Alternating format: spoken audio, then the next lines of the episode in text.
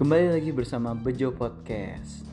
Teman-teman sekalian tentunya yang bekerja pasti tahu bahwa hak-hak kalian dalam bekerja ada banyak nih.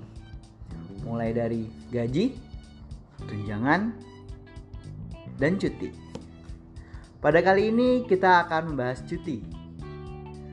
Hari ini gue sendiri sendirian, gue ditemani oleh salah satu HRD PT Bintang 7 Boleh perkenalkan siapa namanya Bapak?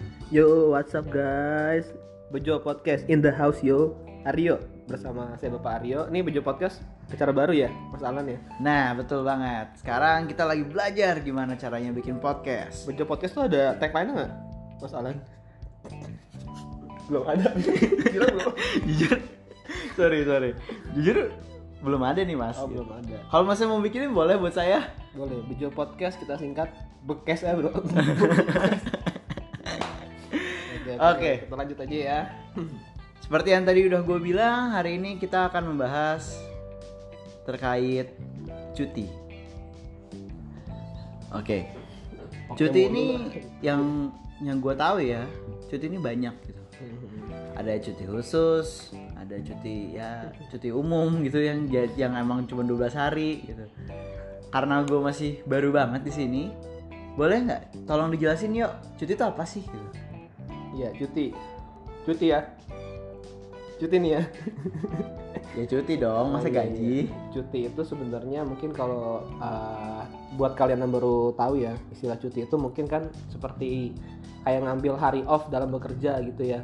Mm-mm. Ada namanya cuti tahunan itu setiap perusahaan umumnya akan ngasih dalam setahun itu tuh ada 12 hari kerja. Itu namanya cuti tahunan. Oke. Nah, cuma di luar itu masih banyak lagi nih kayak ada ada yang biasanya perempuan ada cuti haid atau cuti melahirkan. Terus berikutnya juga ada ya kayak hari raya itu juga ada cuti-cutinya sendiri sebenarnya. Oke, mungkin menarik kita karena kita laki-laki nih ya. Iya iya. Kalau kita bahas terkait cuti melahirkan, yang Iya, notabene kita nggak pernah melahirkan nih. yang Gitu. benar ya ya. Coba, boleh nggak sih jelasin sebenarnya kalau cuti melahirkan tuh sebenarnya seperti apa? Oke mungkin sebelum ngelahirin buat dulu ya.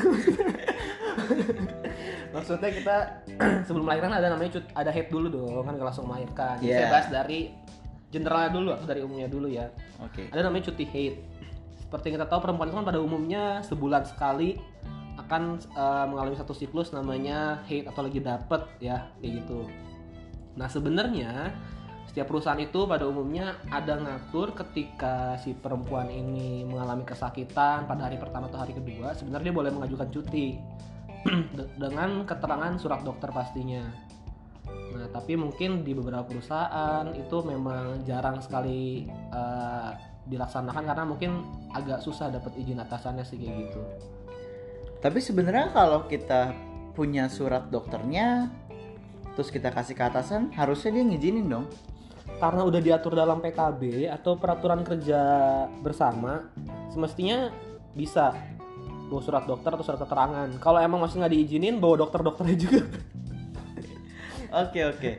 Tapi misalnya eh, dokternya itu apakah ada ketentuannya? Misalnya harus di puskesmas, harus di di puskesmas, di rumah sakit, atau bahkan misalnya ke klinik biasa dulu aja boleh.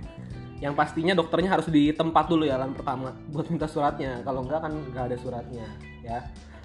Kalau untuk diatur dalam rumah sakit atau puskesmas segala macam sih nggak ada diatur. Hmm. Ya jadi selama itu dokter dan lagi bekerja di uh, rumah sakit, puskesmas gitu ya, ya itu tidak apa-apa karena belum diatur sampai saat ini. Seperti itu sih. Oh, Oke, jadi itu teman-teman. Untuk kalian para pendengar yang perempuan, kalian punya hak untuk cuti haid. Tapi dengan persyaratan bahwa kalian harus punya surat keterangan dokter bahwa kalian memang haidnya tidak bisa melaksanakan pekerjaan kantor. Mungkin untuk podcast kali ini kita sekianin dulu. Ya, have a good night.